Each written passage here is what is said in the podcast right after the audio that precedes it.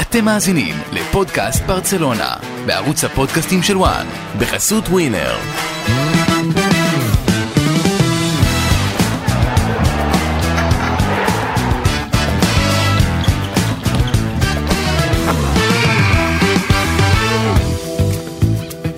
בוקר טוב לאוהדי ברצלונה, כמעט זה היה בוקר רע, אבל בסופו של דבר זה בוקר טוב.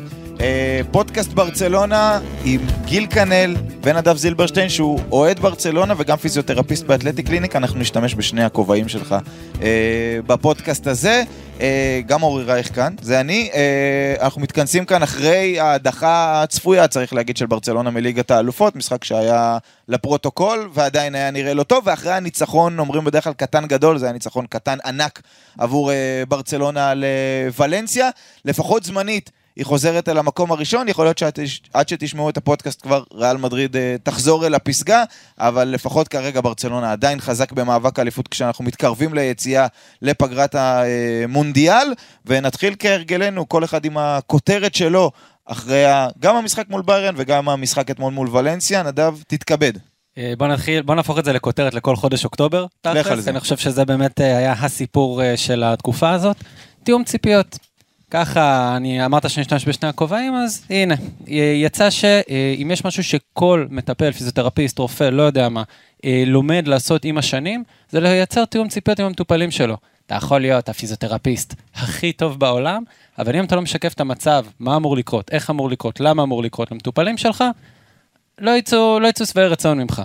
אותו דבר עם ברצלונה. מצד אחד בא לפורטה, מדבר על עונה בבנייה פה ושם, אבל כשהוא צריך להציג את זה למשקיעים, צריך להציג את זה לאוהדים, תקשיבו, אנחנו הולכים להיות קבוצה, אנחנו הולכים לקחת תארים, אנחנו צריכים את ה-X השקעה, את ה-X כסף, ויאללה, בואו, תנו לנו את הגב הזה. ומייצרים קבוצה, והכל טוב ויפה, והציפיות באוויר, וגם צ'אבי מדבר באופן הזה, ואז אנחנו. מהמאניה הזאת לדיפרסיה של חודש אוקטובר, יצא שאנחנו לא בשלב אה, ליגת אלופות בשמינית הגמר, שנה שנייה ברציפות, וזו מכה. זו מכה כלל מערכתית להכל, שגם עם הניצחון אתמול על ולנסיה, שהוא מאוד uh, שימח את כולנו, זה לא מתקן את זה באמת. זה עדיין בעיה, ואני חושב שלפורטה, יחד עם צ'אבי, היו צריכים באמת לשקף את הסיטואציה יותר, שזאת קבוצה בבנייה. אתה חושב, גיל, שהיו צריכים לבוא ולהגיד, אנחנו ננסה להילחם על האליפות, כוכבית, ריאל מדריד אלופת אירופה וזה יהיה קשה, ובליגת אלופות אנחנו רוצים ללכת עד הסוף, אבל תראו, נקלענו לבית המוות. זאת אומרת, זאת בסוף ברצלונה, כמה הם באמת היו יכולים לשקף את העובדה שהם קבוצה בבנייה, בזמן שאתה יודע, הם רוצים... והם מכוונים והם רוצים שכל המשקיעים, כמו שאמר נדב, בצד הכלכלי ושהאוהדים ושכולם יהיו איתם, אבל להגיד להם, אבל לא בטוח שנזכה בתארים. זה, זה לא מתחבר אולי. אז אני חושב ש... תשמע, ברצלונה, קודם כל, כל הספונסרים שהגיעו בשנה האחרונה, ברור שהם רוצים לראות הצלחות על המגרש, וברור שההצלחה הכלכלית של ברצלונה היא נגזרת משמעותית גם מההצלחה המקצועית שלה על המגרש, וזה חלק מכל, ה, מכל ההסכמים שהיא עשתה. אני לא, אני לא רואה בזה כישלון כל כך גדול, נכון שברור שזה מפלה בשביל מועדון כמו ברצלונה, שנתיים ברציפות, לא רק משלב הבתים, אבל כשאתה מסתכל על הבית הזה, ואתה רואה את אינטר, ואתה רואה את ביירן, זה לא היה מופרך שברצלונה, כמו שצ'אבי קיבל אותה לפני שנה, תודח בשלב הבתים. כשאתה רואה את ברצלונה בליגה, אתה יודע, מרחק משחק אחד מריאל מדריד, כרגע בשוויון נקודות, סך הכל זה נראה בסדר, סך הכל, כמו שאתה אומר, תיאום ציפיות, אז אי אפשר להגיד שברצלונה היא, אי אפשר להגיד שאתה יודע, אה, המטרה זה שמינית גמר, וברור שצריך להרים את הציפיות, ברור שצריך לתת לאוהדים ולכל מי שסוף את המועדון הזה תקוות, אבל אה, בו בזמן, כן, כרגע ברצלונה, סך הכל, אני חושב שצריכים לתת לצ'אבי לעבוד. כי המטרה היא באמת להחזיר את ברצלונה להיות קבוצה הכי אטרקטיבית בכדורגל העולמי, ואנחנו רואים שמישהו הגיע לשם בשנה שעברה, היא בדרך לשם. זאת אומרת, צריכים לזכור באיזה מצב צ'אבי קיבל את הקבוצה הזאת, ואיפה היא נמצאת היום. שהיא עדיין, אתה יודע, סבבה, ליגת האלופות נגמר, יש עדיין את, ליגת, את הליגה האירופית שצריך ללכת עליה בכל הכוח, יש את, אה, יש את הליגה, יש גביע, זאת אומרת, יש עוד המון המון דברים לקחת מהעונה הזאת, וזה, ו... אם אתמול באמת היה עיבוד נקודות, אז אתה יודע, היינו יכולים להגיד שבשבוע אחד העונה הזאת קורסת לברצלונה. אבל אז הגיע רוברט לבנדובסקי ו... כן, תכף נגיע לכותרת שלך על לבנדובסקי. צריך להגיד, בליגה, אני חושב שזה... אנחנו גם נגיע לאיזה מין סיכום צ'אבי כזה, כי הוא הגיע לציון דרך אתמול של 38 משחקים, שזה כמו עונה שלמה. אה, בליגה, העונה לפחות, לא חושב שאפשר לצפות ליותר מזה, היא כובשת הכי הרבה שערים בליגה, היא סופגת הכי מעט שערים בליגה, היא ראש בראש עם ריאל מדריד הפרש על משחק אחד שהיא הפסידה לריאל מדריד בחוץ בברנבאו, שזה משהו שיכול לקרות. ובליגת האלופות אין ספק שזה בלואו-אפ מטורף ההדחה, אבל גם כשהייתה את ההגרלה כולם אמרו בית המוות, בית המוות. ונכון שאינטר לא הייתה בשיאה, אבל כשאתה מגיע ובאמת קרה לה מול אינטר בשני המשחקים, כל מה שאתה לא רוצה שיקרה לך כקבוצה. היה לך רצף של פציעות, היה לך טעויות שיפוט, והיה לך את פיקי על המגרש. כל מה שברצלונה לא רצתה שיקרה לה, קרה לה בשני המשחקים האלה נגד אינטר, אז נכון, אתה יודע, זה יכול להיות כסוג של תירוצים, אבל אולי גם ההדחה הזו קצת אה, אה, מורידה את, ה, את הציפיות ל-level ש, שבו הן צריכות להיות. זאת אומרת, כי באמת לבנות תוך קיץ אחד קבוצה שתתחרה ראש בראש עם ביירן מינכן, או עם הגדולות האחרות, עם סיטי, אפילו עם ריאל מדריד, שהיא כבר קבוצה שרצה וכולי, אולי זה באמת היה קצת מעל הפופיק. תשמע, אני חייב להגיד שאני אני נפלתי בזה, כי אני, כשאני ראיתי את בניית הסגל של ברצלונה בקיץ, ובתוספת זה, לא רק זה, בתוספת למה שראיתי מהקבוצה הזאת גם בשנה שעברה. זאת אומרת, הקבוצה הזאת נתנה 4-0 לריאל מדריד שנה שעברה בקלאסיקו, שהיא קמה מעפר, זאת אומרת, הקבוצה הזאת הייתה אחרי, אחרי קומן בעצם כי נראית, נראית מפורקת לגמרי, אה, והגיע צ'אבי ושינה הכל לגמרי, והתחיל את המגמת שיפור הזאתי, ועם הרכש שהגיע בקיץ, אני גם ציפיתי שברצלונה, אתה יודע, תלך, אני הימרתי שהיא תלך עד הסוף בכל, בכל המפעלים. היא עדיין יכולה ללכת עד הסוף בכל המפעלים, אם היא תלך עד הסוף בליגה האירופית. כן, לא שגם שם, בשם אה, תיאום הציפיות, אם יש שם אוהדים שחושבים שזה הולך להיות כאן לא, בליגה האירופית, לא, לא, אבל לא. צריך להזכיר ששנה שעברה פרנקפורט אה, הדיחה אותם. אני מקווה לצאת מנקודת הנחה שלא תבוא הממשיכה של פרנקפורט ותעשה לנו כאלה פדיחות, אבל יש לך קבוצות בסדר גודל של ארסנל, שהיא נכון. קבוצה מצוינת. יונייטד. יונייטד, אה, אתלטיקו מדריד. כן. סביליה, יש קבוצות טובות שם. אני לא, לא מוריד מזה לרגע, אסור שגם אף אחד... מכבי חיפה אולי, לך תדע. כן, זה אחרי, כל זה אחרי uh, פגרת המונדיאל. Uh, אני רוצה לסגור את החלק עם תיאום הציפיות uh, מבחינתך נדב, כי הזכרתי את העניין עם uh, צ'אבי, בתור מי שאוהד את הקבוצה ומן הסתם גם אוהד את צ'אבי, אני משער לאורך uh, המון המון שנים. שחקן אהוב עליי שלבש את המדים האלה, למען הסר ספק, כן. זה, זה, כן. זה, וזה לא טריוויאלי, לא. כי לבשו, היו כמה שלבשו. היו כמה. Uh, 38 משחקי ליגה הוא הגיע אתמול, כמו עונה שלמה, 27 ניצחונות, 6 תוצאות תיקו, 5 הפסדים, 87 נקודות, שזה כמו פפ ב-38 המשחקים הראשונים שלו בברצלונה, יותר מקרויף, יותר מקומן הפטפטן שלא מפסיק אה, לדבר. אה, מעליו אה, טיטו וילנובה ולואיס אנריקה וולברדה, צריך להגיד שהיה להם איזה אחד לאו מסי, זה איזשהו פקטור כזה. אבל ההדחה מאירופה, אם אתה מסתכל ככה מבחינת תיאום הציפיות לגבי צ'אבי שהגיע, גם הוא, כשהוא הגיע כמין איזשהו מושיע כזה. היורש של פפ, הרבה אמרו. בדיוק. עצומות מבחינת סגנון המשחק גם. אה, יש דיון שלם עכשיו סביב צ'אבי, סביב האוהדים. ואתה, איפה אתה בתוך הדיון הזה?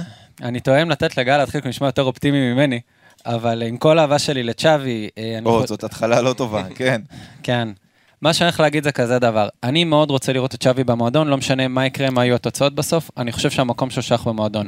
לדעתי, אידיאלית, הוא היה צריך להתחיל בברסה ב', אני רואה שמה שהוא עושה באמת הכי טוב כרגע זה לייצר את התיאום הזה עם כל קבוצות הנוער, אני רואה, מדברים על כמה עובד עם רפה מרקז ועם סביולה, בשביל לבנות את התהליך הזה שיהיה, שיהיה מאוד רוחבי.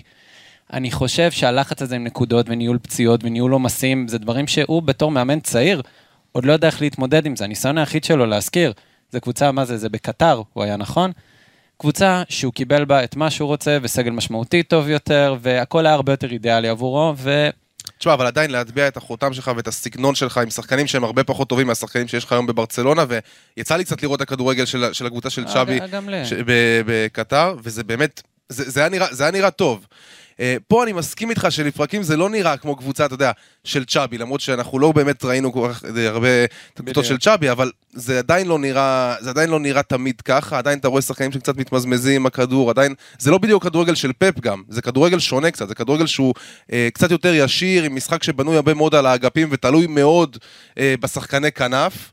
מאוד, בצורה מוגזמת אפילו לפעמים. אגב, תלוי מדי בשחקני כנף ההתקפיים, נכון. ופחות מדי, אני אגע בזה תכף, בשחקני הכנף הסו קולד הגנתיים, אבל אנחנו מכירים את ברצלונה, כן. שהמגנים שם תמיד היו מאוד מאוד התקפיים, וזה פחות בא לידי ביטוי אצל צ'אבי.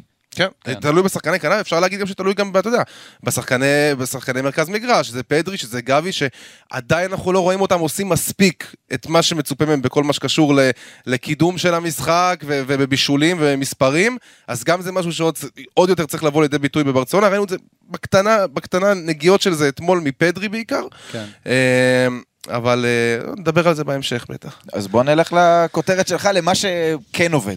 כן, אז מה שכן עובד זה רוברט לבנדובסקי. ש... תשמע, אני, הכותרת שלי זו הייתה, בשביל זה, בשביל זה רוברט לבנדובסקי הגיע לברצלונה, ובשביל זה ברצלונה הביאה את רוברט, לבנגובס... רוברט, רוברט אה, לבנד... לבנגולסקי. עכשיו, רוברט לבנד... לבנדובסקי דיבר בקיץ האחרון על זה שבעצם הוא חיפש אתגר חדש. אתה יודע, אמרו, טוב, אתה יודע, בבונדסליגה כבר זה, זה, זה, זה קל לו מדי, אה, תומאס מולר שם מבשל לו את כל, כל הגולים שהוא כובש שם בקלילות ומסיים 40 שערים בעונה בקבוצה שבאמת מפרקת שם את הליגה מדי שנה. הוא רצה אתגר חדש, והוא ידע לאיזה אתגר הוא נכנס, לדעתי. והוא בא לברצלונה, ותשמע, אני ראיתי אותו, יצא לראות אותו, אני טסתי ל... גם הייתי במשחק של ברצלונה נגד אינטר, וגם הייתי ב... בקלאסיקו. אני חושב שלא ראיתי את לבנדובסקי מעולם עובד כל כך קשה, כמו שהוא עובד בברצלונה. באמת, אני חושב שזה אפילו גרסה אה, קצת משודרגת של לבנדובסקי, ממה שהתרגלנו לראות בשנים, בכל השנים שלו בביירן, שבאמת, כולנו מכירים אותו כסקורר מחונן, כשחקן הראשון בעולם שאתה רוצה לשים אותו אה, במצב מול השער. אבל מעבר לזה, בברצלונה אני רואה אותו המון פעמים גם יורד אחורה לקבל את הכדור, עוזר, עוזר במשחק הלחץ בצורה מטורפת, אה, בורח לאגפים ומעביר כדורי רוחב, עושה אפילו דברים שהוא, אתה יודע, שהוא לא צריך כביכול בתפקיד שלו לעשות, דברים שהוא לא נדרש לעשות בביירן מינכן, ואתמול הגול הזה הכי מגיע לו במשחק, אתה יודע, פושר שלו, שהוא לא כל כך הצליח להגיע, למצבים. אבל בסוף, אתה יודע, עם ה, מה שנקרא, עם השפיץ של הנעל, זורק את הרגל, דקה 93, ותשמע, הבן אדם, דיברו עליו שתמיד הביקורת על לבנדובסקי הייתה שאולי לא, לא מגיע למאני טיים. אתה יודע שהוא חלוץ ליגה שכובש מול הקטנות, ואתה יודע, מטפיח את המספרים שלו ולא באמת מגיע למאני טיים, אז אתמול זה מאני טיים, ונגד אינטר בשלוש שלוש זה, האם אימא שלה מאני טיים, זה שזה לא הספיק, אתה יודע, זה כבר משהו אחר, אבל הוא את שלו עשה. אגב, אה, בשני המשחקים, גם בוולנסיה וגם נגד אה, אינטר, לא הופעות ענק שלו, לא כל כדור נדבק לו, כן. לא כל פס הולך למקום, אבל, אבל בסוף השערים תשמע, מגיעים. אבל השערים האלה והשערים האלה מגיעים לו על, על עבודה קשה ועל, באמת, רואים שהוא... הוא גם שמח, אתה- אתמול אתה רואה על הפרצוף שלו, שהוא היה מבסוט לשים את הגול הזה, פדרי מחבק אותו, כולם עפים באוויר, אני לא חושב שראיתי אותו בביירן מינכן ככה אף פעם, הכל פשוט בא קל. ואתה יודע מה? וגם אם נאמר, ואתה יודע, הוא בן 34, ונאמר והקדנציה הזאת של ברצ... שלו בברצלונה לא תסתיים עכשיו בליגת האלופות, או בתארים, או לא יודע מה, עדיין זה משהו שיעשה טוב למורשת שלו ככדורגלן, נכון. להראות שהוא, אתה יודע, מצליח גם בליגה שהיא, אין מה לעשות, עם הגנות יותר קשוחות, בקבוצה שהיא לא דומיננטית כמו ביירן מינכן, אה, וזה זה יעשה טוב למורשת שלו, הוא בדרך הבטוחה לסיים קפיצ'יצ'י, אה, ותשמע, הוא עד עכשיו פורע, פורע כל שטר מ-45 מיליון אירו ש, ששילמו עליו. נתקלתי בסטטיסטיקה שלו, האמת, אה, במיקום ממוצע, אה, סתם ככה סטטיסטיקות של אה, הוסקורד. אה, בתפקיד הפלסו לחלוטין. פאטי לפניו, דמבלה כן. לפניו, כל הווינגרים לפניו, הוא נכנס מאחורה ומחלק כדורים קדימה. להגיד שהוא עשה את זה אי פעם בביירן? לא, זה חיית רחבה שהוצאת אותה מהרחבה. זה יכול להיות רעיון מאוד מעניין, כי כולם יודעים היום לסגור את רוברט לבנדובסקי. זה יכול להיות גם רעיון פחות טוב, כי זה תכלס המוציא לפועל העיקרי שלך, ולראיה מה שקרה אתמול. כן, אז זה מתחבר לכותרת שלי, שהיא מתחילה דווקא מצד יותר חיובי. הכותרת שלי היא, היא יציבות ואי יציבות. עכשיו, היציבות מגיעה דווקא במקום שהוא מפתיע, וזה דווקא בחלק האחורי. נכון שצ'אבי והלמן ולפורטה עשו הכל כדי שהחלק האחורי יתייצב, אבל הפציעות שעוד נדבר עליהן גרמו לזה שזה לא תמיד יהיה יציב, ועדיין, ההגנה של ברצלונה סגרה אתמול 12 משחקים עם 10 רשתות נקיות. נכון שזה הרבה פעמים בזכות טרשטגן, אבל דיברנו פה לפני שעלינו לאוויר.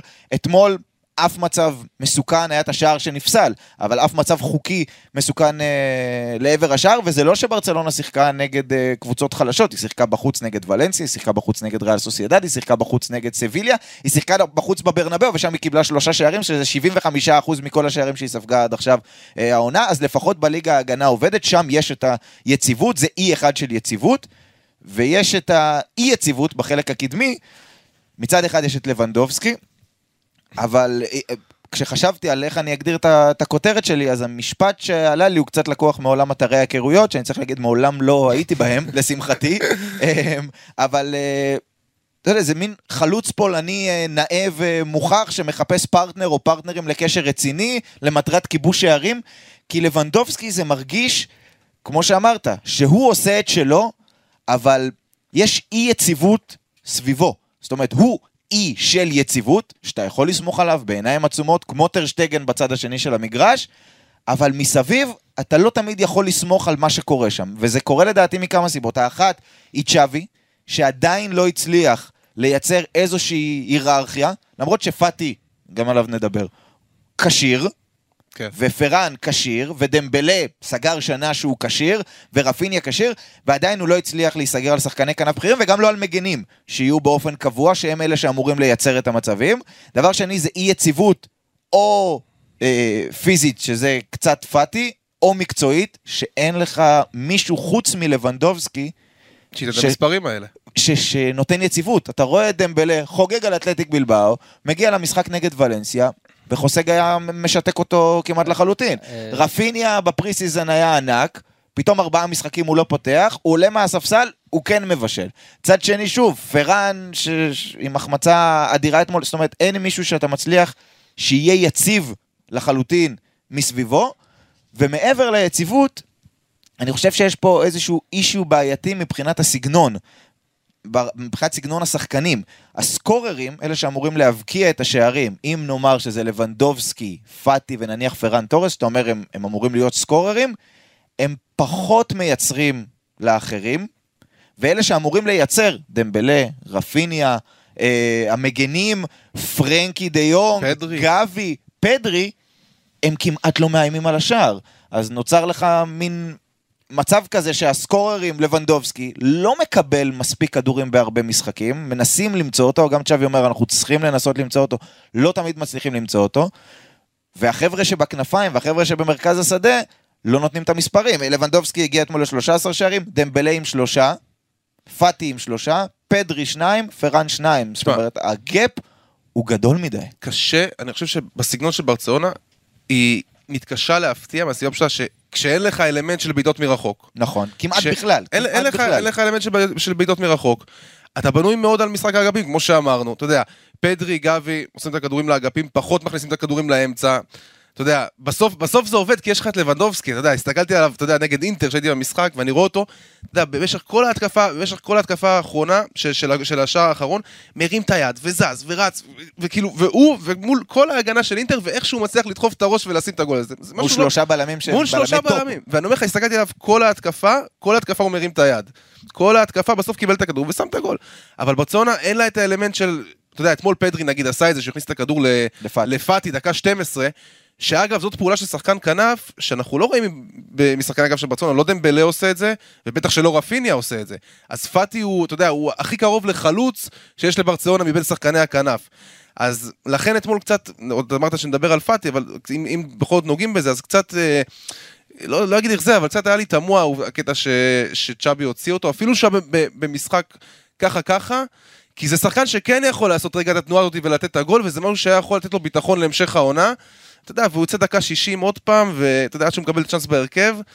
אמ, וכל פעם שהוא נכנס, כל פעם שהוא עלה מהספסל הוא כן היה טוב. זאת אומרת, הוא כן אה, בישל את הגול בקלאסיקו, אה, והוא כן, והוא כן היה טוב.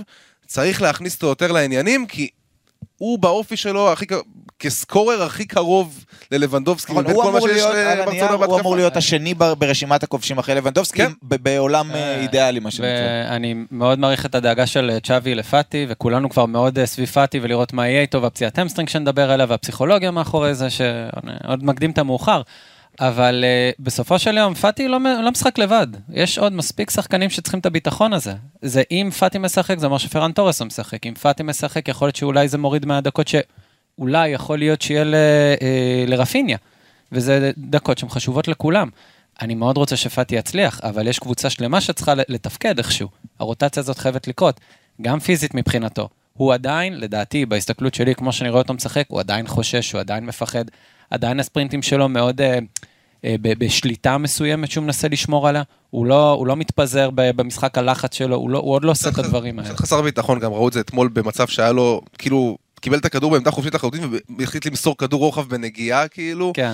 וקצת, רואים, רואים שהוא עדיין, אה, שהוא עדיין חסר ביטחון. בדיוק, אז אז אנחנו כן, כן אני מצפה מצ'אבי לתת את התמיכה הזאת, אבל שוב, יש עוד שחקנים, או יש עוד המון שחקנים שצריכים את התמיכה הזאת. צ'אבי מתבסס מאוד על אחד על אחד של השחקני כנף שלו, זה מצריך המון ביטחון, הוא כל הזמן צריך לתת להם גב, בין אם זה רפיניה, שאני לא יודע מה קרה לשחקן הזה, שהיה אה, אולי אחד ממייצרי המצבים הכי טובים באנגליה. לא, אני אסביר לך בדיוק מה קרה. רפיניה היה שחקן ששיחק בכדורגל של מרסלו ביאלסה בליץ, קבוצה שהתבססה על ריצות, על מתפרצות, זאת לא ברצלונה. זה, הוא מוצא עצמו בסגנון ש... מקשה עליו קצת, זאת אומרת, הוא לא, הכדורגל של ליץ היה שונה מהכדורגל של ברצלונה בסגנון שלו. בילדאפ מהיר גם, אני לא רואה עד כדי כך את ההבדלים, אני לא הייתי מצפה שזה לא יעבוד. שוב, מן הסתם, במשחק עומד הכל קשה יותר, אם אתה קבוצה מתבנקרת מולך, אז כן, יותר קשה לו. אבל היו כן מצבים שהייתי כן מצפה ממנו לעשות את זה, ואני רואה שגם לו, יש לו איזה סוג של מחסום פסיכולוגי. הוא נמצא במקום שהוא הכי רצה להיות בו בעולם, מפסיק לפאר את ברצלונה, הדרך שהוא מעתיק כביכול מרונלדיניו, והוא כאילו, הוא, הוא נראה מפוחד. יכול להיות שכל זה בסוף מתקשר לזה שצ'אבי עדיין לא הצליח, אני לא אומר, אני, זה לא אה, אה, אצבע מאשימה, זאת אומרת כמובן שיש לו חלק, כי בסוף הוא המאמן והוא צריך לייצר את ההיררכיה הזו, אבל שאין עדיין היררכיה. אה, חוץ מזה שאתה יודע שלבנדובסקי יהיה בשפיץ, אני מדבר על השלישייה הקדמית, השחקנים שאמורים ליצור מהכנפיים, לא שחקני הכנף, אתה לא יודע במאה אחוז מי יפתח, אתה גם, כשאתה נכנס להרכבים המשוערים לפני, גם באלה שנחשבים מקורבים יותר לקטלוניה, או... כן, תחילת עונה, אבל זה היה די קונצנזוס על דמבלה ו... ורפיניה. בהתחלה, ואז, ואז, והם היו עושים חילופי אגפים כן. וכולי. ואז היה לפני איזה חודש את השיחה של צ'אבי עם רפיניה, שהם סיכמו שהוא פחות ישחק בשמאל. כשהוא, כי כשהוא בשמאל אז הוא לא הוא ממש לא בעניינים. לא יכול, כן. בדיוק. ואז עכשיו כאילו בונים על דמבלה ופאטי יותר, אבל פאטי אין לו ממש את הביטחון, וכמו שאתה אומר, מחליפים אותו. ורפיניה נכנס מהספסל, ותרם יותר, הוא נתן שני כדורים חכמים, שני צ'יפים, אחד uh, לגאבי והשני הכדור ללבנדובסקי, שדמבלה לא עשה. אז שוב, בגלל שאף אחד מהם לא מצליח לייצר איזושהי יציבות מקצועית, אז כל פעם אנחנו רואים שהוא מנסה לתת למישהו אחר, לראות עם מי זה תופס, אבל בסוף אתה צריך לייצר תיאום, אתה צריך לייצר איזשהו שטף, וה juggling הזה בין שחקני הכנף, פלוס בין המגנים, זאת אומרת, פעם אחת זה באלדה מגן שמאלי, פעם אחת זה מרקוס אלונסו, פעם זה ג'ורדי אלבה, פעם בצד ימין זה סרג'י רוברטו, פעם זה קונדה, פעם פעם זה היה ראוכו, פעם זה ביירין, אתמול זה בלדה, קשה מאוד לייצר איזשהו שטף במשחק שהשחקנים לא מתואמים האחד עם השני, כי כל יום זה מישהו אחר כן, שנמצא שם. לגבי, לגבי התקפה, אני רוצה לדבר על התלות בלבנדובסקי, הרבה, הרבה מדברים על העניין הזה. זה, זה לא אסון, זה לא טוב, זה לא טוב שיש לך תלות בשחקן אחד, אוקיי? אבל ראינו כבר קבוצות עושות את זה, זאת אומרת, ראינו את ריאל מדריד בעונה שבנזמה באמת היה מעל, רמה מעל כולם עוד לפני הפריצה של ויניסיוס, ש, שנהיה משהו שהפך לשחקן שהוא היום. ראינו את ריאל מדריד זוכה בתארים כשהיא תלויה בבנזמה. או בקריסטיאנו רונלדו. זאת אומרת, זה לא, זה לא אסון, אבל זה גם קרה, כי אתה יודע, היו שחקנים אחרים שהביאו את המספרים, שחקנים שבאים מקו שני, כמו שם שהיה לך את, שיש לך את מודריץ' ו- וקרוס וקסמירו, מה, שהשח, מה ששחקני הקישור של ברצלונה לא עושים. ואני לא מבין למה, למה, אה, למה צ'אבי בעצם לא משתמש בפרנק קסיה. קסיה, שאני רואה אותו במילאן, אתה יודע, זה שחקן שהוא גם יכול לשחק לך את השש, גם יכול לשחק לך את השמונה, שיש לו הצטרפות מצוינת מכף שני. הוא נתן גולים במילה, נתן מספרים, בישולים. אה, זה גם שחקן שיכול, שהוא גם מוסיף לך מסה בקישור, וגם נותן לך את הפן הזה של הצטרפות מכף שני. זה משהו שחסר מאוד לברצלונה היום. כן, היה לה, כמה שזה מצחיק, שהיה לה, התבססה מאוד על מסי בזמנו, מדי פעם היה לה איזה ארתורו וידל, כאילו מישהו כן. שהוא, שהוא גליץ' מ, מהסגנון כן. של ברצלונה, אבל הוא כן נותן את המספרים, אפילו פאוליניו בזמנו, שבא מברזיל ונתן פה ושם את הגולים, באמת אין לה שחקן חוץ מ... אפילו גם לבנדובסקי, שהוא בעיקר בעיקר סקורר, אין לה עוד אף שחקן אחד, וזה, אתה יודע... שייתן זה... את החמישה-שישה שערים בעונה. שייתן, אני אגיד את הגם וגם. זאת אומרת, שגם ידע לייצר, וגם ידע לסיים. שייתן גם כמות שערים נחמדה, וגם כמות בישולים נחמדה. זה תמיד כל השחקנים, או רובם הם או או. כן. אתם מדברים על קשר box to box, כמו שאני מבין נכון, זה הפרופיל שלו. ההבדל המשמעותי בין קשר box to box בכל קבוצה אחרת לנגיד ברצלונה, גם ארתורו וידאל, גם פאוליניו על כל מלעיזיו, הם היו שחקנים טכניים סך הכל, הם ידעו גם להניע כדור, הם ידעו גם למסור קדימה, שוב, לא ברמה של צ'אבי או איניאסטה, כן? אבל הם כן ידעו לעשות את זה כשצריך. זה הנקודה הכי מוגבלת אצל פרנק קסיה בעולם הזה, לפעמים נראה שהוא לא מצליח לעצור כדור. ככה זה, מה לעשות, יכול להיות שיש לו תכונות מדהימות, הוא פיזי, הוא יודע להצטרף, אני בטוח, זה נראה ככה, הוא נראה גם יחסית אתלטי, אפשר להשתמש בו אחרת. אבל ברצלונה כרגע יש לה בעיה שהיא לא מצליחה לייצר גם מצבים מהקישור קדימה. אתה לא צריך את העוד שחקן הזה שיסיים מהקישור, כמו שאתה צריך את השחקן הזה שגם ידע לתת את המסירה הזאת.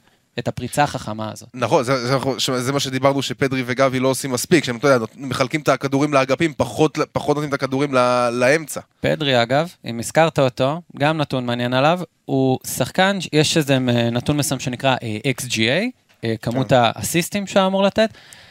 ההפרש אצלו הוא הכי גבוה. הוא היה אמור להיות כבר על איזה שני אסיסטים לפי החישוב הזה, והוא נמצא כרגע על אפס. אה, גם ראיתי איזה עוד סרטון כזה שמציג את כל ההחמצות באשר הן אחרי כל בישול שהוא ניסה לתת, וזה מזעזע.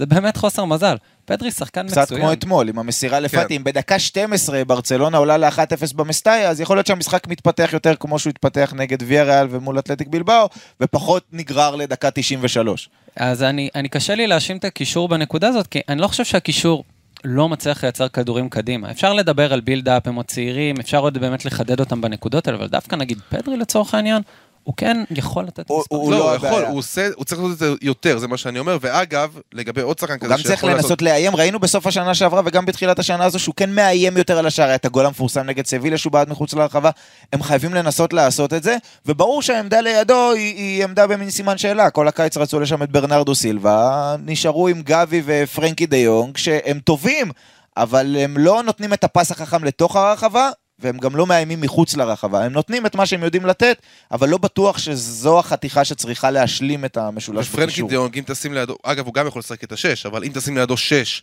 ושנה שעברה ראינו גם את פרנקי דיונג עושה את ההצטרפות האלה לרחבה, וגם נותן את הגולים ואת המספרים האלה. ראינו את זה, הוא יודע לעשות את זה. צ'אבי עשה איתו את העבודה הזאת, והוא יכול לתרום לברצלונה בעניין הזה. אם יהיה לידו באמת השש שידע לעצור את ההתקפות כמו שצריך, כי כרגע, אתה יודע, באיזשהו שלב הוא תמיד נכנס גם לעמדה של השש במקום בוסקץ, כי בוסקץ לא מצליח להחזיק את האמצע. אז זו ברצלונה של התקופה האחרונה, ואני רוצה אה, לחזור אליך, נדב, עם עניין הפציעות. כי בסוף זה משהו שהוא מרחף מעל אה, ברצלונה הזו מאז החזרה מפגרת הנבחרות. אז דיברנו על, על פאטי, שאפשר שוב להתייחס אליה, אבל שהוא כשיר מצד אחד, אבל האם הוא באמת כשיר אה, מנטלית ושומרים עליו וכולי. ואז יש לך את קונדה ואת אראוחו ואת קריסטנסן ואריק אתמול, וביירין שהיה פצוע לאיזה שבועיים מפציעה באימון, וסרג'י רוברטו, אה, וממפיס, שבשקט בשקט גם כזה, אתה יודע, נפצע ולא יודעים, כן, לא יודעים, לא יודעים מתי הוא יחזור. השאלה היא... האם זה איזשהו צירוף מקרים, או שיש פה איזושהי בעיה שאנחנו אומרים, אה, זה חוסר מזל, איך לא הלך להם, איך דווקא מול אינטר, כולם נפצעו ביחד וכולי, או שיש להם בכל זאת איזושהי אשמה בסיטואציה הזו, כי זאת לא סיטואציה שאנחנו רואים בהרבה קבוצות. אז זהו, זה... אני, אני תמיד טועה איך לגשת לזה, כי סך הכל... זה לא מקרי. בוא נתחיל מזה, אני אשים לזה כותרת, פציעות בסדר גודל הזה בקבוצה זה לא מקרי. תמיד יש משחק מסוים עם ניהול עומסים, מכות פציעות, זה לא משמיים, אלא אם כן, לא יודע מה, בא, שח... בא קזמירו, שבר לכל אחד את הרגל בתורו. אחרת, כאילו, זה לא, זה לא יכול לקרות מצב כזה. כאילו, זה יכול לקרות, אבל בגלל ניהול לא נכון של זה. Uh, קודם כל, אני חשבתי אם לתת כותרת, כל פעם אני מגיע לפה יוצא שאני מדבר על פאטי, פאטי זה איכשהו נושא שאני כל פעם יוצא לדבר עליו, נקרא לזה מפטפטים על פאטי. כן, כי, כי, כי פאטי הוא באמת, אה, שוב, הוא מספר 10 של ברצלונה, לפני הפציעות הגדולות. ראינו ילד שאתה אומר, בואנה, זה הילד הזה, זה הולך להיות אה, top 5 בעולם מהר מאוד. ואתה רואה שאחרי הפציעות, שהן כביכול מאחוריו, ומשהו שם לא, לא חד, המילה היא לא חד.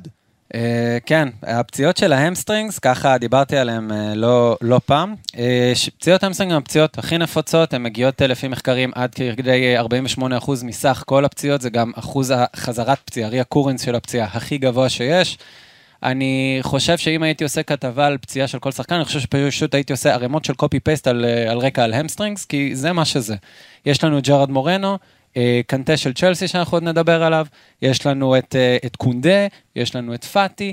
אני, אני יכול להמשיך לזרוק לך אה, שחקנים שעוברים את הפציעות האלה של hamstring, וכמה כאלה שהם פשוט עוברים אותם שוב ושוב ושוב. הטריגר היה באמת אותו ספרינט, שרואים אותו תופס את החלק האחורי של הירך, מבכה על מר גורלו ויורד, והדרך גם להתמודד בסופו של פציעות hamstring אחרי איקס זמן החלמה, זה גם על ידי תרגול ספרינטים. Uh, דיברתי על זה עם uh, מישהו שמתעסק בהוקי uh, בברצלונה, לא, לא חשוב שמות. הוא אמר שאחת הסיבות שאנחנו לא מצליחים להזיז את הסטטיסטיקה, למרות שאנחנו כבר יודעים כל כך הרבה על הפציעות האלה, זה כי שח... שחקנים לא באמת אוהבים לתרגל ספרינטים. אפשר להגיד שזה אה, מעצלנות, אפשר להגיד שזה מחשש, כי זה הטריגר גם שיצר את הפציעה. יש הרבה סיבות ללמה זה קורה, ואני יכול לדמיין איך פאטי, רק מהחשש הפסיכולוגי של לחזור אחורה, איך זה בא לידי ביטוי אצלו. וכן, האם אה, תרגול, אה, תרגול ספרינטים יכול להקל עליו? כן. האם הוא צריך לשחק עם יותר ביטחון? גם כן. האם אני גם מבין את הקושי הפסיכולוגי שלו? גם צריך, אם אני זוכר נכון, הוא ויתר על ניתוח נוסף בזמנו כדי לעשות שוב איזושהי, אה, כן. איזשהו שיקום שמרני. שמרני יותר. כי הוא לא רצה כבר להישאר בסיטואציה של ניתוחים. אני, ממה שאני זוכר שקראתי, אני לא בהכרח יכול להגיד שיש אחוזים, שוב, אני לא מכיר את המקרה עד כדי כך לעומקו מה שיש לפאטי שם ובאיזה סדר גודל. אה, אבל יש, אה, אין פער כזה גדול בין תוצאה אה, שיקומית שמרנית לבין ניתוחית ואז שיקומית. אולי אז היה עדיף לו לעשות ניתוח בכלל? קשה להגיד. קשה, המחקרים לא בהכרח אה, תומכים בזה ב-100%. השאלה, העניין הוא שהזכרת פה נניח את השם של ג'רארד מורנו, מי שעוקב אחרי ויה ריאל, הוא הכוכב של הקבוצה, בלעדיו היא נראית הרבה פחות טוב, והפציעה באמת כל הזמן חוזרת. השאלה האם, אתה יודע, הזכרת גם את קונדה, אז זה מתחבר גם לקשר, גם לחלק האחורי, וגם פאטי, שהם אמורים להיות שניים מעמודי התווך של הקבוצה הזו, כדי שהיא תגיע לגדולות והנצורות ותענה על הציפיות שדיברת עליהן בהתחלה. אז זה מה שאנחנו צריכים לצפות בתור צופים לראות, שהם נותנים אה, חמישה עשרה משחקים, והופ, עוד פעם איזה שלושה ארבעה בחוץ. אני, שוב, השאלה היא באמת איך מנהל, מנהלים את העומסים האלה. פה נכנס באמת שווי. עכשיו, מקצועית, מעטות הקבוצות, אם בכלל, שאני יכול לבוא להגיד, אה, הצוות המקצועי לא יודע מה הוא עושה, אה, לא, הוא פספס את זה. לא, זה לא באמת קורה. מה שקורה בסוף זה איך משקפים את זה מול, ה- מהניסיון שלי גם, אה, מול הקבוצות, מול, מול המנהלים המקצועיים, מול השחקן וכדומה, ולהסביר לו באמת מה האופציות שלו. בפועל, צ'אבי נכנס לאיזה סחרחרה היסטרית, היה איזה בעיה, אה, ב, לדעתי, בתקשורת בינו לבין הנבחרות. מצד אחד הוא יכול להתחנן ללואיס אנריקה שלא ישתף את פדרי וגבי, או בוסקץ. מצד שני, מה הוא יגיד אה, לדשאמפ, "ת- בבקשה תשתף את קונדה? לא, לא חושב שלדשאמפ עד כדי כך אכפת. אה, ואותו דבר גם לגבי ארוחו, שתוך, מה, אה, 15 שניות? כ- כמה זמן לקח לו עד שהוא נפצע נגד. אה, נגד איראן? וזה, וזה על פרש, וזה מה שקורה, שיש לך ערימות של משחקים, עומס לא, אה, לא אה, מתון או לא מנוהל טוב, וזה הופך להיות פתאום גלגל שמכיל את עצמו. זה, זה מה שקורה. קונדה ימשיך לעלות לפני הזמן כי צ'אבי צריך אותו. כן, עלה. נגד ריאל מדריד, אה, דובר על זה שהוא עלה עם זריקות, ושהוא ידע שהוא לוקח את הסיכון כי זה שיחק- קלאסיקו. שיחק באש, והוא המשיך לשחק עם אש עד שקרה מה שקרה אתמול. זהו, השאלה גם איך השחקנים האלה חוזרים מהמונדיאל, אתה יודע, כי בסוף אומרים ברצלונה מחכה למונדיאל, אבל אני כבר לא יודע כמה היא מחכה למונדיאל, אם עכשיו השחקנים האלה, אתה יודע, לך תדע איזה עומס יהיה עליהם ו- ואיך הם יחזרו. בוא אני אפיל עליך איזה פצצה קטנה שאני רוצה שתחשוב עליה במהלך המונדיאל הזה, ככה קצת מחוץ לקונטקסט של מה שאנחנו כן. מדברים. אני רואה כרגע שיש שתי אופציות של מה שיקרה מהמונדיאל, מבחינתי הארור הזה, אה, בהסתכלות אה, מקצועית אה, ופציעות בקטר. או שאנחנו נראה מונדיאל מעפן של שחקנים שלא עומדים על הרגליים בגלל העלייה המהירה באינטנסיביות, כי מה שקורה, כל הקבוצות הגדולות, יש להם סרגלי מאמצים. הם, בעיקר ריאל מדריד, שהיא מאוד מפורסמת בזה, ואנטוניו פינטוס עושה עבודה מטורפת. יש לך כל פעם עלייה מאוד הדרגתית של איך אתה בונה את האינטנסיביות שלך, עד שריאל מדריד מתפוצצת אי שם באפריל ונהיית קבוצה בלתי כן. ניתנת לעצירה. כל הקבוצות מתנהלות בערך באופן דומה, אבל פתאום יש מונדיאל. ובמונדיאל יש לך חודש, כל משחק, להתפוצץ, לתת את המקסימום, אתה לא חושב על מה יקרה אחר כך. אני, המחשבה שלי הלא מקצועית ברמה הרפואית הייתה, כשדיברו על זה שיש את המונדיאל בקטר באמצע העונה, אמרתי, או, אז יכול להיות שהקבוצות ייפגעו אחרי זה, סוף העונה כבר הם יהיו עם הלשון בחוץ לשלבים האחרונים של הליגה, לשלבים האחרונים של המפעלים האירופיים, אבל אמרתי לעצמי, "וואלה, המונדיאל יכול להיות שהוא יהיה פיצוץ, השחקנים, אתה יודע, מגיעים בדיוק בפיק. של ה... הם שמע, לא, הם- הם לא עם החלודה של הקיץ, הם בדיוק בעלייה, ייתנו טירוף, יהיה פה מונדיאל. אני לא לא, מאמין, לא, אני לא מאמין ששחקנים, אתה יודע, בסוף שחקן במונדיאל, הוא ייתן הכל, וזה לא משנה מה, ולא משנה שום סרגל, שום סר- שום סרגל מאמצים. כן, אבל השאלה לא אם הם ישנה לא זה? מגיעים למונדיאל, נכון שהמונדיאל, בוא נאמר, אנחנו לא מסתכלים על המונדיאל ואומרים כל ארבע שנים, אה, הם עייפים. לא- כן. אבל, אבל כאילו, הייתה לי איזושהי ציפייה ש, שיכול להיות שאנחנו נראה אותם יותר טובים ממה שראינו במונדיאלים אני- קודמים. אני לא בטוח דווקא. אתה, כן, שופך לי פה מים קרים על כן, אני, התקווה אני הזו. חושש שהם אפילו יש סיכוי שהם ייפצעו מהר יותר. אני, הם לא מנהלים את זה, שוב, הכדורגל נבחרות הוא בעייתי, כי יש לך נכון. תמיד איקס מפגשים מאוד קצר לנהל את העומסים, ו- וזה לא כד- כדורגל קבוצות, ששם הכל הרבה יותר מוניטורד ברמה היסטרית של בדיקות דם ולראות מה קורה מבחינת הקורטיקוסטר... לא משנה, כל, כל אחד מהדברים שקורים שם, אני לא אעלה אתכם כן, צריך בפרטים. לדבר גם על, על הפן המנטלי, זאת אומרת, שחקנים הולכים פה לחוות רכבת, רכבת הרים רגשית בחודש הזה, ולך תדע, אתה יודע, השחקנים, אה, איך, איך הם יחזרו בכלל נכון, מה, מהחודש. בהתאם לאיך שעבר עליהם המונדיאל. כן, כן, כן. זה... אחר כך, באמת החלק השני של העונה, זה גם מדאיג אותי, כי יכול להיות שבסוף הכל טוב ויפה, גם עם הלשון בחוץ, ואז אנחנו נראה את כל הפציעות, ההתפרקות הזו קורית, ואני אני נגד המונדיאל הזה בחורף, אבל מה אני אעשה? אני לא, לא כן. בעל המאה. בעניין נקווה. כן, והם כן. והם כן. כן. אה, אז בדיוק העניין הזה, גם של הפציעות וגם של העונה עמוסה, וגם כי זו ברצלונה, בזמן שאנצ'לוטי אתמול אה, במסיבת העיתונאים לקראת ג'ירונה, שאלו אותו, מה עם אה, רכש בינואר? הוא אמר, הסגל שלנו סגור, אנחנו לא מתכוונים לצרף אף אחד. זו ריאל מדריד, לעומת זאת ברצלונה תמיד תמיד מספקת לנו חומרים לפינת המלפפונים. ועכשיו, המלפפוניאדה. אוהב את זה שהסאונדמן אצלנו קשוב על הביט, מה שנקרא. אז uh, ברצלונה כבר עכשיו מדברת שוב, אחרי שעשתה חיזוק מאוד מסיבי בקיץ, uh, על חיזוק שהיא צריכה לעשות uh, בחלון העברות. בינואר כבר עובדים על זה, מדברים בעיקר על מגן ימני, שאנחנו רואים את הסיפור הזה, כן, נדב פה uh, מביט מעלה בתקווה, uh, וקשר אחורי. אני רוצה לשאול אותך, גיל, קודם כל, האם אלה באמת שתי העמדות הכי דחופות לחזק בברצלונה? מגן ימני כן, בעיניי. קשר כרגע לדעתי אפשר להסתדר עד סוף העונה. הייתי, הייתי מחזיק עם הסגל הזה, בס- בסגל קישור שיש לברצלונה. מגן ימני, אני הבאתי פה אופציה שיכולה להיות מעניינת. אה, זה המגן ימני של ליון, אה, מלו גוסטו.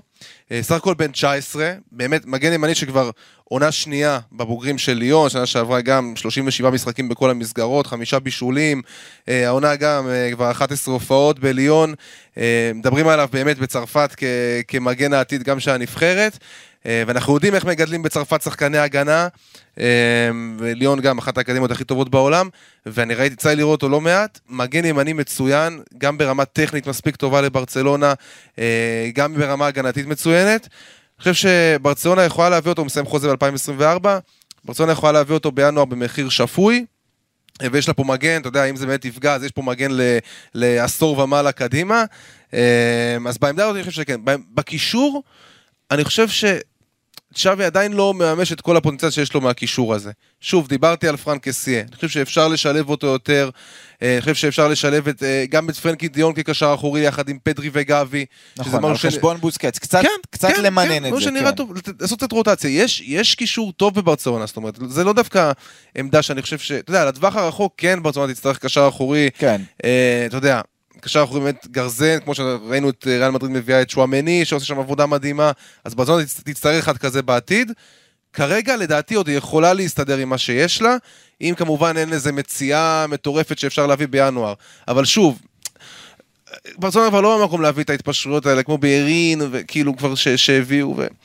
צריכים להביא שחקן אה, באמת ש... שרוצים אותו. אני יודע ש... נכון, בהרין אין ספק שלא רצו אותו, זהו, וזה היה, וזה היה כזה ברגע, ברגע האחרון. אגב, מי שרצו זה את פויט, שהוא עדיין פצוע, אבל קראתי איפשהו שאולי הוא כן יחזור, אה, ל, ל, מה שנקרא, לשיח בברצלונה לקראת אה, ינואר. אבל אני כן חושב, ונגענו בזה בהתחלה, שאם כבר מביאים איזשהו מגן ימני, הוא צריך להיות מגן ימני עם יכולות התקפיות כן משמעותיות. אני יודע שביירין היה גרוע נגד ביירן מינכן, אבל אני חושב שזה גם לא פייר. זאת אומרת, זאת לא סיטואציה פיירית לשפוט אותו, ואני אוהב מאוד את בלדה, אבל ראית שברצלונה, הוא לא ייצר קרוס אחד אתמול, כי מה לעשות, הוא משחק הוא משחק ברגל הפוכה, אבל הוא. היה בסדר גמור. בסדר גמור במה? ב- ב- אתה- בסוף נכנס ברצלונה... למ- הוא נכנס ל- הוא נכנס נכנס לאמצע, וצ'אבי אמר הוא היה השחקן החופשי והם לא ידעו איך להתמודד איתו, ועדיין, דיברנו על לבנדובסקי, לא ראינו מספיק כדורים ש, שמטיילים בתוך הרחבה דרך הכנפיים, ודיברנו על דווקא כמה ג'ורדי צ'אבי אלבה בונה כן על זה, עשה את זה. ג'ורדי אלבה הכניס כמה כדורים מצוינים. וגם לא מספיק. אני חושב, היו לו שלושה ניסיונות. קרוס. אחד מהם הגיע לראש של לבנדובסקי בקרוס מצוין, אחרי אבל כדור קרן, זאת אומרת בהתקפה שוטפת, זה, זה ג'ורדי אלבה, שנה שעברה סגן מלך הבישולים של ברצלונה היה עם הכי הרבה בישולים בקריירה שלו בעונה אחת, ועוד בעונה הראשונה בלי כן, מסי. אבל אם מגן מכניס, אם- אם מגן בכל זאת במשחק מכניס לך שניים, שלושה כדורים טובים כאלה לרחבה, אז אתה יכול להגיד שהוא, אתה יודע, זה- זה זה נחשב כן, משחק ו- טוב. ועדיין, כאילו, זה זה לא- לא... אני זה חושב, משתף, אני כן. חושב שזה צריך לקרות יותר, וזה גם צריך לקרות, אני חוזר ל- ל- לפינת המלפפונים שלנו, זה צריך לקרות עם מגן ימני שהוא תוקף. אפילו סרג'י רוברטו עשה את זה קצת נגד אתלטיק בלבאו, אני חושב, אפילו במשחק, במשחק כמו אתמול, לא היה קורה אסון אם ביירין היה משחק שם, כי הצד החזק יותר שלו זו המהירות, וזה כן היכולת שלו בהתקפה אני- להוציא את אני לא הקרוסים. יודע, אני לא מסכים איתך, כי יש לך אחד שקוראים לו סמואל לינו, שהוא שחקן מצוין. אתה מדבר על הצד ההגנתי. כן, כן, ואתה ראית איזה מחיר אנחנו משלמים מהר מאוד. אני, הלוואי ובארין היה כל כך פורה שהיה מצדיק את כל הפריצות שעשו על האגף שלו, או שהיו יכולים גם לעשות לו במשחק נגד ולנסיה, אבל יש פה קטע של רווח מול הפסד. אתה יודע, תמיד עולה השאלה, מה, תמיד, מ- מהקיץ, אבל היא עולה הרבה כי, כי הם לא מצליחים באמת לי, להתקבע על מישהו אחד בצד ימין, זה האם לא היה כדאי להשאיר איזה דני אלווס. ברור שכן, ברור שכן, על חשבון ביירין, צריך. בלי להתבלבל. אני עד עד עכשיו אני לא מבין למה הביאו את ביירין ואמרו לאלווס, טוב, אתה יכול להתאמן פה, אבל אל תבוא לקבוצה.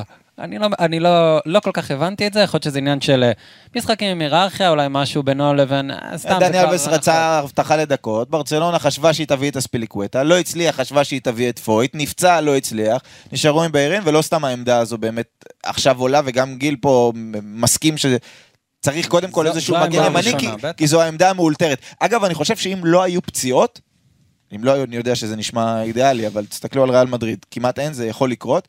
אה, אם לא היו פציעות, אם היו משחקים עם קריסטנסן והראוכו כבלמים, קונדה כמגן ימני, אני יודע שהוא לא אוהב את זה, ואני יודע שצ'אבי אמר לו, תבוא לפה ואני אעשה ממך הבלם הכי טוב בעולם וכולי, אבל זה האיזון הכי נכון, זאת אומרת, הוא גם יודע להצטרף להתקפה, הוא גם יודע להוביל את הכדור, ראינו נגד סביליה שהוא יודע לבשל, והגנתית הוא כמובן מצוין, והוא גם מהיר, והוא גם יכול להתמודד מול הסמואלינואים ומול וואי, אתמול, הוויניסיוסים. אתמול הוא היה-. עד שהוא נפצע במשחק מצוין, התענגתי שחקן עליו, מדהים, כאילו, הוא שחקן 100% מדהים. 100% במאבקים, אה, 55... כן, היה לו שם איזה תיקול אחד שממש הציל כן, גול כן. ברגע האחרון, אה, ממש, אבל הבע- הבעיה היא שהוא הוא נאלץ להיות כל כך טוב ולחפות על החברים שלו, כי באמת לא מצליחה להיווצר שם איזושהי יציבות. אה, אוהדי ברצלונה, ולא רק האוהדים, גם במועדון, אני בטוח פינטזו על זה שהנה יש לנו עכשיו... אם תרצה ג'ורדי אלבה, אם תרצה בלדי, אם תרצה מרקוס אלונסו מגן שמאלי, ואז באמצע רק תבחר מבין השניים, אה, מבין הרשימה את השניים, אם זה אראוחו, אם זה קונדה, אם זה קריסטנסן, אם זה אריק, וצד ימין הוא עדיין נשאר. תשמע, מרקוס אלונסו. נגעת במרקוס אלונסו, בתור מגן שמאלי בקו 4 זה עדיין לא... משהו שם לא, לא מתחבר לי עדיין במרקוס אלונסו. אה, קצת קשה לו לעשות, לבוא לידי ביטוי כמו שהוא בא ב, לידי ביטוי בצ'לסי, אתה יודע שהיו לו את השלושה בלמים נכון. שלו, כן. שנתנו לו, נתנו לו את הקו, ופה קצת... אגב, אם לא היו פציעות, אז, אז גם היו יכולים לשחק עם שלושה בלמים, או סוג של קונדה אין, אבל כמגן צ'אבי לא ישחק ימני. בחיים שלושה בלמים. נכון. לא, לא, לא, לא, לא יודע אם בחיים. לא יודע אם בחיים. וריאציות. זה לא בדיוק שלושה בלמים קלאסי, זה יותר כזה קונדה כמגן ימני, והוא הרבה פעמים נכנס לאמצע, ואז Mm. צד שמאל מקבל יותר חופש לצאת קדימה. שוב, צריך, אנחנו חוזרים לאותה נקודה שהתחלתי איתה, שאני חושב שצריך יותר תמיכה התקפית. כשאמרתי פה צריך מגן ימני שהוא התקפי, הנהנתם פה, כי צריך... עוד מישהו, אי אפשר שזה יהיה רק על דמבלה או רק על רפיניה לעשות את הבידוד שם בצד, גם אם יש הצטרפות של גבי נניח ממרכז הזה, צריך שיהיה עוד מגן שיוכל להוציא קרוסים מהצד. זה מאוד כי- צפוי, בסוף אתה יודע, רפיניה מקבל את בדיוק, הכדור. צפוי, זאת מילה זה- אדירה, זאת המילה על ברצלונה בהרבה מקרים, הרבה כן. פעמים אתה יודע מה היא הולכת לעשות, והיא עושה את זה לפעמים לאט. עכשיו, אם היא עושה את זה מהר, והדברים מתחברים, אז גם אם זה צפוי, קשה לך לעצור את זה. אבל אם זה לאט וגם צפוי, אז הרבה פעמים מאוד קל לסגור את זה. אה, האמת שעד כל הבלגן והסחרחרה של הפציעות אי שם לפני הפגרה המקוללת ההיא, אה, דווקא אני כן ראיתי ניסיון יפה של צ'אבי החליט להתמודד עם העובדה שאין לו מגן ימני, וזה באמת המשחק הזה עם קונדה.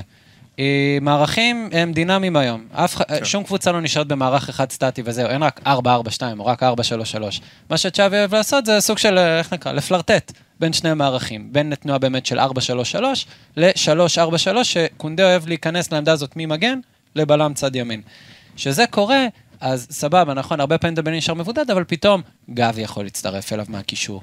כל פעם שחקן אחר יכול אה, לתת לו את העוד תמיכה הזאת שהוא צריך.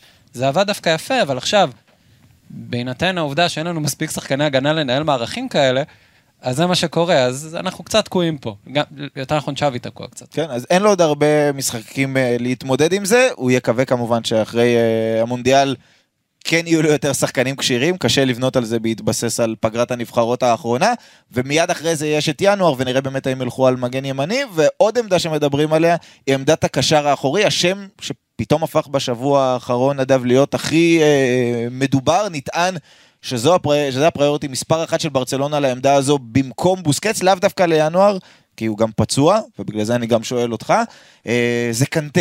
זה אנגולו קנטה, שמסיים חוזה בצ'לסי, צריך להגיד, ברצלונה אוהבת להסתכל על השחקנים שמסיימים חוזה בצ'לסי, זה מין פטיש חדש כזה שלהם, אה, וזה עבד להם לא רע בקיץ האחרון, חוץ מהספיליקווטה.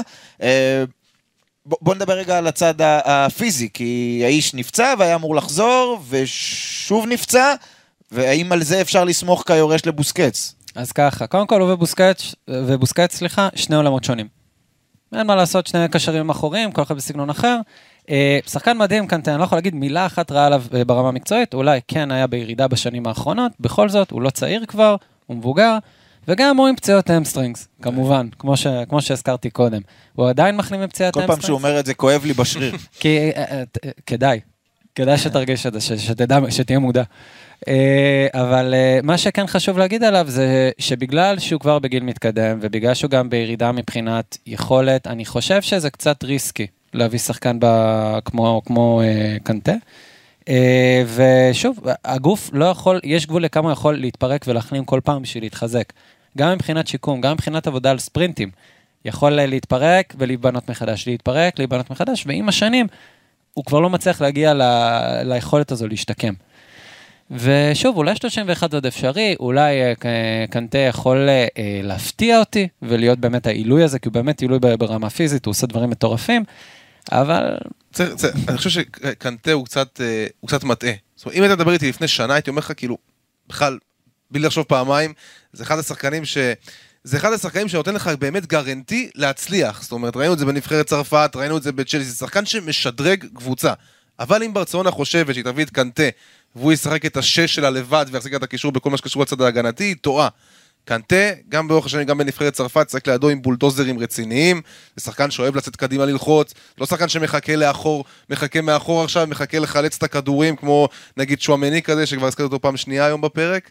אה, זה שחקן שבאמת עושה המון עבודה על המגרש, אבל הוא לא הקשר האחורי הקלאסי עכשיו שמחכה מאחור ומחלץ את הכדורים. לא, הוא תוקף את הכדורים, הרבה פעמים הוא גם צריך קשר אחורי לידו, אז לא יודע כמה זה מתאים לסגנון של ברצלונה. מעניין, אז קנטה לא מלהיב פה את החברים. בואו נדבר לקראת uh, סיום על המשחק הקרוב של uh, ברסה, משחק לפרוטוקול, צריך להגיד, בליגת האלופות, נגד uh, ויקטוריה פלזן בחוץ, בצ'כיה. בווינר, פלזן 7.6, זה היחס עליה, תיקו 4.9, ברצלונה 1.2, הולכים על מלא כמו שאומרים עם uh, ברסה, למרות שיכולות להיות רוטציות וכולם זועקים רוטציות, גם נדב פה הניף לי בצד uh, שלט מה צריך להיות, שצריכות להיות רוטציות במשחק הזה, כי הוא לפרוטוקול ויש עומס של משחקים וכולי וכולי, אבל אני חושש קצת מנטלית לברצלונה. וברצלונה גם אה, צ'אבי כל הזמן מדבר, הוא אומר הדינמיקה שלנו הייתה שלילית, והשער הזה עכשיו יכול, אתה יודע, נגד ולנסיה, יכול לשנות את, ה, את הדינמיקה. האם פתאום להפסיד אפילו, איזה 2-1 כזה לא צפוי משום מקום נגד פלזן, זה לא משהו עם הרבה מאוד רוטציות, שפתאום יכול אה, לפ- לפגוע בדינמיקה הזאת. אה, אתה הורג פה את אה, גל עם ה- עם הדברים האלה, גל רק רוצה להגיד, וגם אני. גיל, גיל. גיל, סליחה. אה, הרוטציות האלה חשובות, אני לא מדבר רק מבחינה פיזית, שזה חשוב ולתת רענון לכולם וכל הדברים האלה שאני כל הזמן אומר אה, כפיזיותרפיסט, אבל מה שבאמת חשוב לדעתי, זה ה- אה, המסורת הזאת שיש בברצלונה כבר שנים, של אה, לתת לשחקנים צעירים לשחק. תן לקהל לראות אותם, תן לקהל לראות את פבלו טורי. בוא נכיר רגע אם יש אולי בטעות איזה בלם מהנוער שיכול לתת לצ'אבי קצת נחת. בוא נראה בטעות אם יש מגן ימני, מי, מי יודע כבר מה קורה שם? אף אחד מאיתנו לא באמת עוקב עד אם כדי זה כך. היה בקאמפ נו, הייתי אומר לך, יאללה, עם הדחיפה של הקהל אה, וכולי. בחוץ, כאילו, האם ההשפעה, בסוף, האם הסיכוי ברוטציות האלה להיחשף לשחקנים ולתת להם דקות, דקות והזכרנו את קסיה שלא משחק, ופרן תורס שלא תמיד פותח, ורפיניה. שארבעה משחקים היו, היה על הספסל ונכנס ו, ובישל. לעומת האיזשהו סיכון הזה, שאתה יודע, הקמפיין הזה של ליגת אלפות פתאום ייגמר עם, אה, יש להם עכשיו ארבע נקודות, ארבע, חמש נקודות, וכזה, אתה יודע, בכל אני ענות לא חושב, חלושה. אני חושב זה שגם? הרכב הרוטציות של ברצלונה צריך לנצח את ויקטוריה פלזן, זה קודם כל.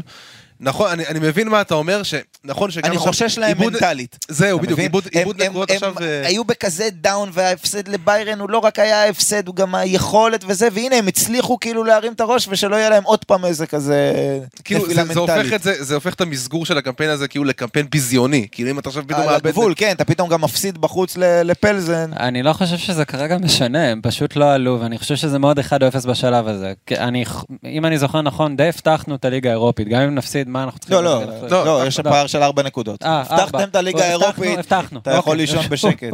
זהו. אז כן, אה, שוב, אתה יכול לתת את המרווח הזה באמת לקסיה, אתה יכול לתת את זה לפרן, אתה יכול לתת את זה לרפיניה, ועדיין, בוא תביא גם את השחקנים מברסה ב'. פבלו טורז זה נקודה שנויה במחלוקת כבר כל כך הרבה זמן מבחינת האם לשתף אותו, לא לשתף אותו. אה, אלמן רצה כן להשאיר אותו, צ'אבי רצה להחזיר אותו נכון. לסנטנדר, אה, איזה בלאגן שלם. תן לו לשחק, תן לו את הדקות האלה. בסוף הצעירים האלה, אם אנחנו דיברנו הרבה על הפן המנטלי, גם הם צריכים להכיר מה זה ליגת האלופות, הם לא צריכים להכיר את זה בפעם הראשונה שיש להם את הרוח אה, מאחוריהם. שזה של, משחק אה, ממש חשוב לנצח בו. בדיוק. ואם אתה, אנחנו אתה, עולה, מסתכלים... אתה עולה עם פיקה במשחק הזה? כי תשמע, מה שהיה אתמול זה היה ביזיון. זה, זה באמת, כאילו, מה נסגר? לא הספקנו לדבר על פיקה. זהו, זה, זה משהו אין ש- לנו, ב... אני, ל- טוב, כן, אין אין לו מקום גם בפודקאסט.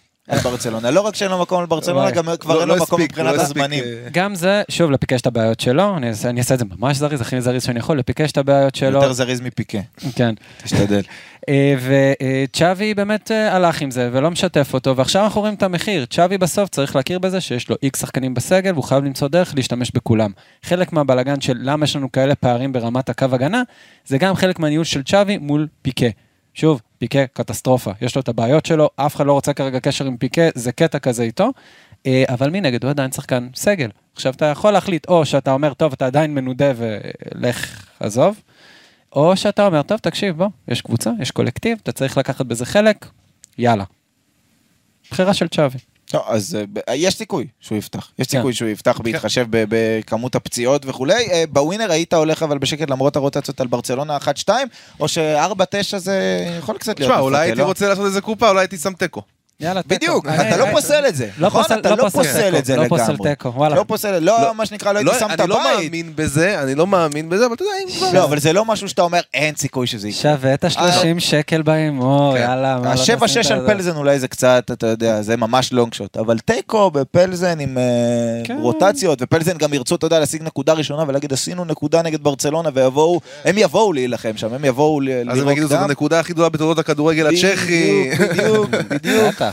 אז, אז לא, אם אתם הולכים על המשחק הזה, אולי תיקו, אולי תיקו. אחרי זה יש לברצלונה את אלמריה אה, בשבת, זה יהיה בקאמפ נו, ושם היא, היא תצטרך לנצח כדי להמשיך את הרצף שלה, אה, ולצאת לפגרת הנבחרות הזו, יש לה אוססונה באמצע שבוע. אלה שני המשחקים הבאמת אה, חשובים, כדי לסיים את החלק הראשון של העונה כמו שצריך, בגג פער של משחק אחד מריאל מדריד, שזה גם יפה, שזה גם יפה כי ריאל מדריד אדירה וכמעט לא מאבדת אה, נקודות. ואחרי המונדיאל נגיע ל- לחלק השני של, ה, של העונה. עם מי שיישאר. עם מי שיישאר, וגם עם מי שיבוא הישרדות, אולי. הישרדות גרסת ברצלונה. ממש. וגם ממש עם מי. שיבוא, אבל אולי מישהו יבוא בינואר. יבוא מישהו בינואר. יא, כנראה שכן. כן. נדב, גיל, תודה רבה אה, לשניכם, תודה לכם שהאזנתם, אנחנו אה, נהיה עם פודקאסט. ברצלונה אחרי המשחק נגד אלמריה, רגע לפני אוססונה, גם אחרי פלזן, נראה אם היו שם רוטציות, לא היו שם רוטציות, והאם ה-4-9 אה, היה אפשרי, או ש-1-2 על ברצלונה, זה מה שהייתם צריכים אה, ללכת, אז אה, נשתמע, תודה לכם, ביי ביי.